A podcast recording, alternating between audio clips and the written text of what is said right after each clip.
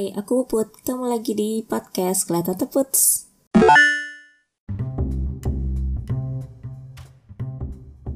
Hai, ketemu lagi di podcast Kelihatan Teputs. Hari ini aku mau cerita tentang bahasa Jepang. Jadi banyak nih yang tanya ke aku, Put, kalau ke Jepang tuh harus bisa bahasa Jepang ya? Ya jelas enggak lah. Yang penting ada duitnya kan. Atau enggak punya uh, bakat dan kemampuan khusus yang bisa mengirim kamu ke Jepang. Sebetulnya apa ya nggak perlu takut sih kalau ke Jepang nggak bisa bahasa Jepang. Memang orang Jepang dan Jepang tuh kadang-kadang informasinya masih dalam bahasa Jepang. Tapi itu harusnya nggak menghalangi dong buat kita pergi ke Jepang. Contohnya kan banyak cara pergi ke Jepang. Orang-orang yang nggak bisa bahasa Jepang pun udah pernah pergi ke Jepang kan bisa pakai uh, apa namanya bantuan dari travel agent terus bisa juga hire guide pemandu atau kalau ada teman di sana itu juga menguntungkan gitu. Ya banyak cara sih yang bisa ngebantu kamu buat survive di Jepang. Aku udah satu cerita ya jadi aku punya temen dia tuh waktu itu pergi ke Jepang nekat. Jadi yang penting beli tiketnya dulu terus habis itu dia sama uh, tiga orang temannya jadi mereka pergi berempat itu pergi ke Jepang naik pesawat yang murah banget waktu itu. Si AA itu loh jadi lagi diskon waktu itu terus mereka nekat beli pergilah ke sana berempat nggak ada yang bisa bahasa Jepang.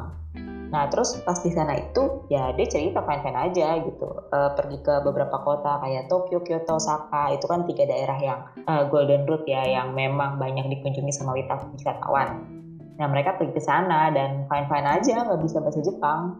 Mereka malah nagih gitu dan nggak nggak menghalangi lah ya selama di Jepang. Mungkin emang ada sih kayak tempat-tempat wisata yang uh, staffnya tuh nggak bisa bahasa Inggris. Itu ada bahkan di museum pun begitu gitu yang banyak dikunjungi wisatawan pun ada staff yang nggak bisa bahasa Inggris. Tapi nggak perlu khawatir juga sih uh, kalau di kota-kota besar itu di stasiun banyak yang tulisannya udah ada huruf Latin. Jadi kita bisa baca tulisannya. Dan apa ya misal di stasiun kita mau pergi ke mana tinggal ikutin aja arahnya gitu. Cuma memang yang bikin panik itu adalah kita kan baca tulisan nih. Ada bahasa Jepang ada bahasa uh, ada tulisan Latinnya kan. Yang bikin panik itu keramaian sebenarnya.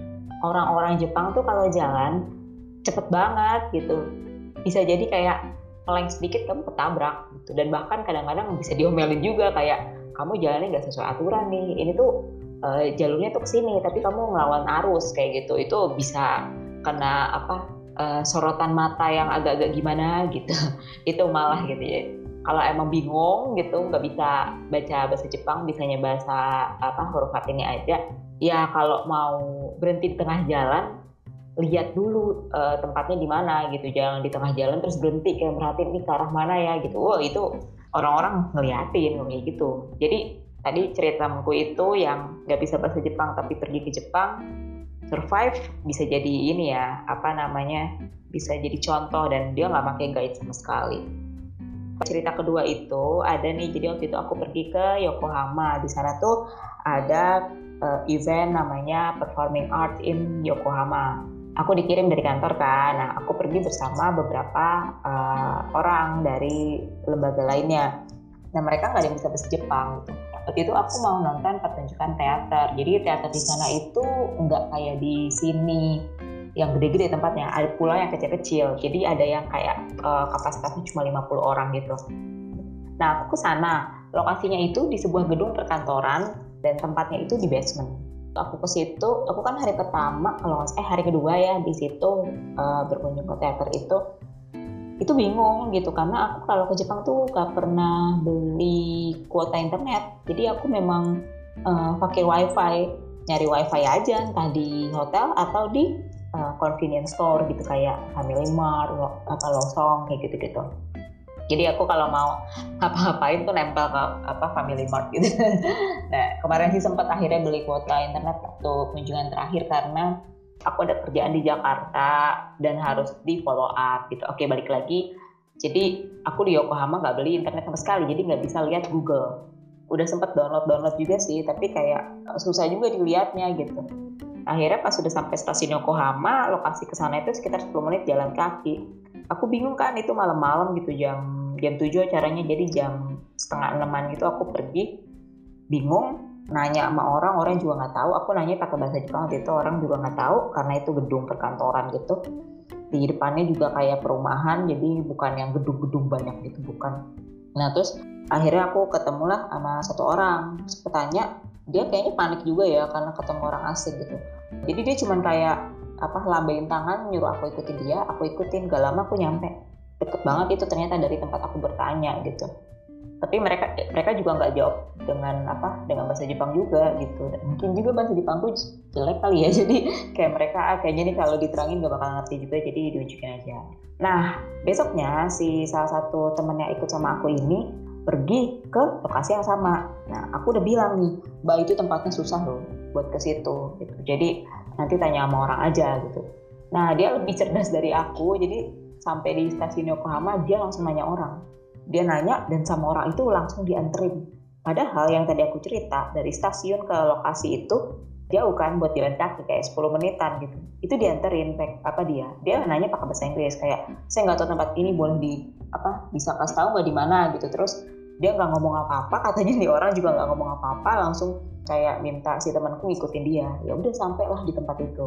Gitu. Jadi uh, orang Jepang nih mereka mereka tuh baik ya. Mereka tuh eh, memang mereka sibuk gitu tapi mereka tuh baik. Kalau sama wisatawan gitu mereka uh, terbuka juga. Apalagi kalau kayak di Osaka Kyoto gitu ya. Maksudnya itu kan banyak tempat wisatawan. Kalau misalkan hmm, di Tokyo mungkin memang orangnya sibuk gitu. Hmm, jadi mungkin kadang-kadang agak acuh gitu. Tapi kalau di daerah-daerah wisata uh, biasanya fine-fine aja ditanya.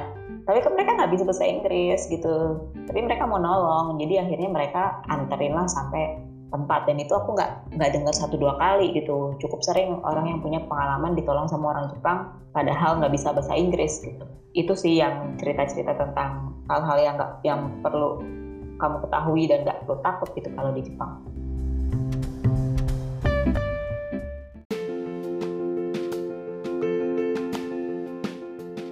Kan kayak tadi aku cerita aku di Yokohama sempat pakai bahasa Jepang kan buat nanya dan itu kayak nggak ditunjukin gitu. Yang kedua aku juga ngalamin hal yang sama sih di tempat yang sama di Yokohama juga. Itu aku kesasar ke teater berikutnya. Itu lebih parah lagi aku muter-muter setengah jam. Setengah jam dan itu masih siang padahal. Terus aku nanya malah dia kayak ngejelasinnya kayak ada sih yang aku nanya dua orang yang satu ngejelasin terus kayak ah saya nggak tahu tempatnya gitu. Tapi setengah ngejelasin yang satu lagi tuh ngejelasin tapi aku nggak ngerti. Tapi aku nggak ngerti nih ngomong apa. Aku cuma tahu kayak ya ini lurus ke kanan kiri tapi kayak karena kan aku emang buta uh, geografi juga ya geografi itu jelek. Jadi kayak udah pakai bahasa Jepang terus ngomongin arah ah udah baik gitu. Ternyata dari yang dia jelasin tuh udah dapet banget. Dan aku merasa jadi kayak ini bahasa Jepang aku kan nggak berguna ya di Jepang nggak pengen pikir kayak gitu Uh, terus akhirnya gara-gara kasus itu besok-besoknya aku kalau ke Jepang pakai bahasa Inggris. Uh, jadi waktu itu aku sama atasan aku pernah kita lagi makan di McD gitu nyampe Tokyo. Terus bentuk sausnya tuh nggak kayak di sini yang sachet langsung sobek gitu. Dia kayak ada tempatnya gitu aku agak lupa sih bentuknya kayak apa dan bukanya kita bingung. Akhirnya pesanku langsung kayak uh, ngomong pakai bahasa Inggris bisa bukain nggak? gitu. Terus uh, orang yang di sebelahnya tuh ya ap, apa otomatis langsung kayak bukain aja tapi nggak ngomong sama sekali. Dia ngerti gitu. Tapi ya mungkin buat ngebales mikir. Nah yang kedua itu waktu aku di toilet. Kan aku mau sok-sokan gak bisa bahasa Jepang ya. Kadang itu seru sih kayak gitu. Jadi kayak nguping pembicaraan orang dikira dia kita nggak ngerti ngerti ngerti. Kayak aku di toilet terus kayak lagi antri. Terus pas uh, antri uh, aku bilang kok nggak masuknya ini? Saya boleh masuk duluan nggak? Aku pakai bahasa Inggris terus dijawab dozo. Gitu. dozo tuh silakan. Jadi si orang ini tuh ngerti aku ngomong apa tapi dia nggak mau balas dia cuma jawab dozo. Terus aku pikir ih dia jawab dozo. Emang orang-orang pada ngerti apa? Tapi ya aku karena aku ngerti ya udah aku masuk aja ke bilik itu gitu. Nah terus ada lagi tuh aku pernah ya di di Kyoto di stasiun Kyoto kan gede banget mau naik Shinkansen mau balik ke Osaka. Terus ada beberapa jenis uh, kereta kan sebenarnya. Ada yang Shinkansen ada yang uh, cepet ada yang lama gitu. Aku kan pakai kartu JR Pass itu bisa naik apa aja kan. Aku bingung nih eh ini kereta cepet nih bisa nggak ya? Gitu Osaka. Terus tengok tengok tengok oh, saya aku disamperin sampai cewek. Terus dia tanya mau ke mana? Dia gitu. Dia nanya pakai bahasa Inggris. Terus aku lihat sih penampilan dia kayaknya anak kuliahan. Yang emang mungkin pernah punya pengalaman apa namanya di luar negeri gitu karena dia pede ngobrol pakai bahasa Inggris terus aku bilang saya mau ke Osaka gitu. Naik kereta ini bisa nggak? Oh bisa. Apa? Uh, bisa sih tapi naik ini aja gitu. Dia ngejelasin pakai bahasa Inggris. Dan dia yang nyamperin aku duluan gitu. Aku nggak nanya sama dia. Kadang kadang-kadang nanya sama ini saya nggak pengen nanya sama apa petugas kereta di stasiun. Pada stasiun besar mereka juga bahasa Inggrisnya uh, kadang ngepas gitu. Jadi kalau misalkan ngomong mau ke tujuan apa mereka paling cuma kayak uh, yang ke situ ke situ ke situ gitu. Agak-agak nggak jelas sih emang gitu kadang-kadang. Itu sih kayak pengalaman tentang bahasa Inggris dan bahasa Jepang. Nah cuma kemarin eh tahun lalu ya aku pergi nggak kemarin lah tahun lalu aku pergi ke Jepang. Aku tuh kalau pergi suka kalau pergi sendiri itu sukanya ke tempat-tempat yang aneh-aneh yang jauh-jauh gitu. Karena aku mau manfaatin sih JR Pass itu. Jadi uh, aku per, uh, beli sekali bisa ke beberapa tempat yang jauh-jauh naik Shinkansen jadi aku manfaatin dong pakai si JR Pass ya udah aku pergi ke tempat yang aneh-aneh. Aku ke satu prefecture yang eh, stasiunnya itu dijelek banget kayak di film-film. Stasiun zaman dulu gitu lah toiletnya aja tuh toilet kayak toilet jongkok kayak di sini. Tapi nggak ada tisu nggak ada air. Tisu ada tapi nggak ada air. Jadi kayak sedih. Gitu itu kayak kok nih toiletnya masih kayak gini? Gitu kan. Terus itu pas aku nyampe. Itu aku pun pergi naik kayak berapa kali transit dan bukan kereta cepat ada kereta yang cuma satu gerbong. Di dalam kereta itu ada toiletnya juga. Nama keretanya tuh one man densha. Artinya kayak one man densha. Ya ada masinisnya satu orang. Dan uh, keretanya cuma bentuknya satu gerbong. Terus kalau lewat ke antara tebing-tebing gitu kan aku lewat ke desa-desa gitu ya. Sinyal hilang.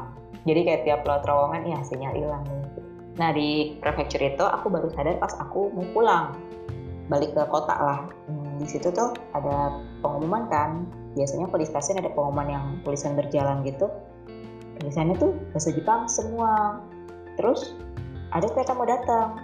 Aku dengerin, ini kayak kereta aku nih, tapi kok belum sampai. Maksudnya waktu itu kalau nggak salah uh, waktunya tuh jam 10 ya jadwalnya itu dari jam 10 kurang 10 kok udah datang. Ini keretaku bukan aku dengerin sih announcementnya. Bener nih keretaku gitu kan. Tapi ini yang lebih cepat ya udah aku naik aja di dalam. Terus aku dengerin kan announcementnya lagi kan diumumin lagi. Oh bener nih tujuan yang sama. Nah di situ aku mikir gila ya kalau misalkan pergi ke desa-desa gitu yang tempatnya agak pelosok bukan kota besar nggak bisa bahasa Jepang kelar ini gitu. Untungnya kenapa aku yakin aku nggak naik kereta yang salah tepat jam 10.00 itu kereta jalan. Jadi oh benar aku nggak naik nggak naik kereta yang salah gitu. Walaupun di situ aku tetap KPD gitu sama pendengaran aku. Jadi apa di situ aku mikir wah lah pelosok harus bisa sih gitu. Pantesan temen aku bilang put kalau ke Jepang bareng dong ikut. Tapi ke tempat yang aneh-aneh. Ya kalau mau ke tempat aneh-aneh emang harus ada yang bisa bahasa Jepang gitu. Sebenarnya sama kayak di Indonesia kalau misalkan kita ke tempat-tempat yang aneh-aneh juga orang-orangnya belum tentu bisa bahasa Inggris kan gitu. jadi sama aja sebenarnya. Itu tuh yang bikin aku sadar kayak bahasa Jepang penting di apa bisa. Tapi kalau yang ke tempat aneh-aneh ke tempat yang pelosok-pelosok gitu. Aku sih sebenarnya kalau mau jadi guide gitu nemenin temen senang-senang aja gitu. Yang penting beliin aku tiketnya. Apa ya menurutku tiket tuh kayak motivasi utama untuk pergi. Ketika kita punya tiket kita bakal berusaha untuk ngumpulin uang buat uh, pergi ke sana beneran buat kumpulin uang saku gitu, dan biaya-biaya lainnya gitu. Jadi yang penting tiket dulu dibeli gitu. Nah kalau kalian mau beliin aku tiket, aku bisa nemenin. Aku gak apa-apa bayar yang lainnya sendiri, tapi tiketnya dulu gitu. Aduh, gitu deh. Sebenarnya ya belajar bahasa Jepang tuh kayak menurut aku sih susah. Tapi belajar bahasa Indonesia tuh juga susah banget gitu. Pasti banyak di sini yang nilai bahasa Indonesia jelek kan soalnya kayak bahasa Indonesia tuh susah banget dan bahasa Jepang tuh susahnya apa ya? Dia tuh kayak bahasa Jawa ada tingkatannya juga terus uh, hurufnya kan juga beda ya jadi kita kayak harus ngapalin. Dan yang menyebabkan adalah kalau misalkan bahasa Indonesia tuh kayak subjek, predikat, objek kan.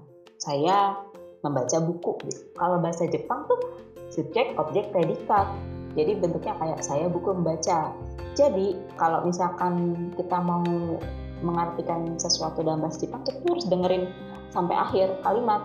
Apakah nih kalimat jadinya positif, negatif, atau atau tanda tanya gitu. Jadi eh, nggak bisa di tengah dipotong gitu. Kadang-kadang jadi ya maknanya bisa jadi beda. Itu sih. Dan kalau panjang-panjang bahasa Jepangnya bingung apalagi anak kalimatnya banyak itu cukup bingungin uh, ada banyak cara belajar bahasa Jepang sih. Kalau teman-teman aku banyak yang kayak nonton drama anime gitu. Nah kalau nonton anime tuh bahasa Jepangnya banyak bahasa slangnya. Kalau misalkan aku kan jarang nonton anime ya. Jadi aku nggak tahu bahasa slang bahasa Jepang gitu. Banyak yang nggak aku tahu waktu aku kuliah gitu. sekarang sih ya beberapa kali nonton-nonton drama gitu adalah ya apa sedikit info tentang bahasa slang. Kebetulan kantorku tuh punya apa namanya situs-situs belajar bahasa Jepang ada banyak. Tergantung minat juga kalau misalkan emang maunya yang ada kartunnya bisa. Kalau mau yang serius kayak kayak belajar biasa ada, ada juga yang bentuknya kayak games di handphone gitu. Macam-macam sih gitu. Jadi bisa lihat-lihat aja. Kalau yang bentuknya kursus tuh ada namanya Minato. Alamatnya tuh di www.minato-jf.jp gitu jadi ikutin aja pilihnya A1 buat yang pemula. Itu sih kalau belajar bahasa Jepang. Tapi ya itu yang penting duit sih kalau kata aku bukan bahasa. Ya kalau lama-lama kalau ada bahasa ya lebih baik. Tapi uang yang utama bukan. Sama uh, cari kesempatan sama celah sih. Maksudnya kalau nggak punya uang tetap aja siapa tahu bisa ke Jepang. Aku kan juga nggak punya uang terus ke Jepangnya dari kerjaan gitu jadi ada banyak cara ada juga yang beasiswa macam-macam lah pokoknya cara buat ke sana kayak eh, aku pernah cerita di episode 1 sih. Kayak gitu deh ceritaku tentang bisa nggak sih ke Jepang? Nggak bisa bahasa Jepang? Ya bisa asal ada uang ya Oke deh, makasih udah dengerin podcast Kelihatan Teput hari ini. Sampai ketemu di tema berikutnya.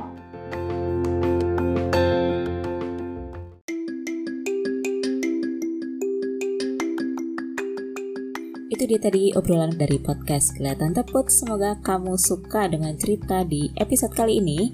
Kalau kamu mau nungguin cerita-cerita lainnya dari Tante Puts, silahkan subscribe di platform kesayangan kamu. Dan kamu juga bisa follow Instagram at kuliah.tanteputs untuk tahu update tentang podcast ini.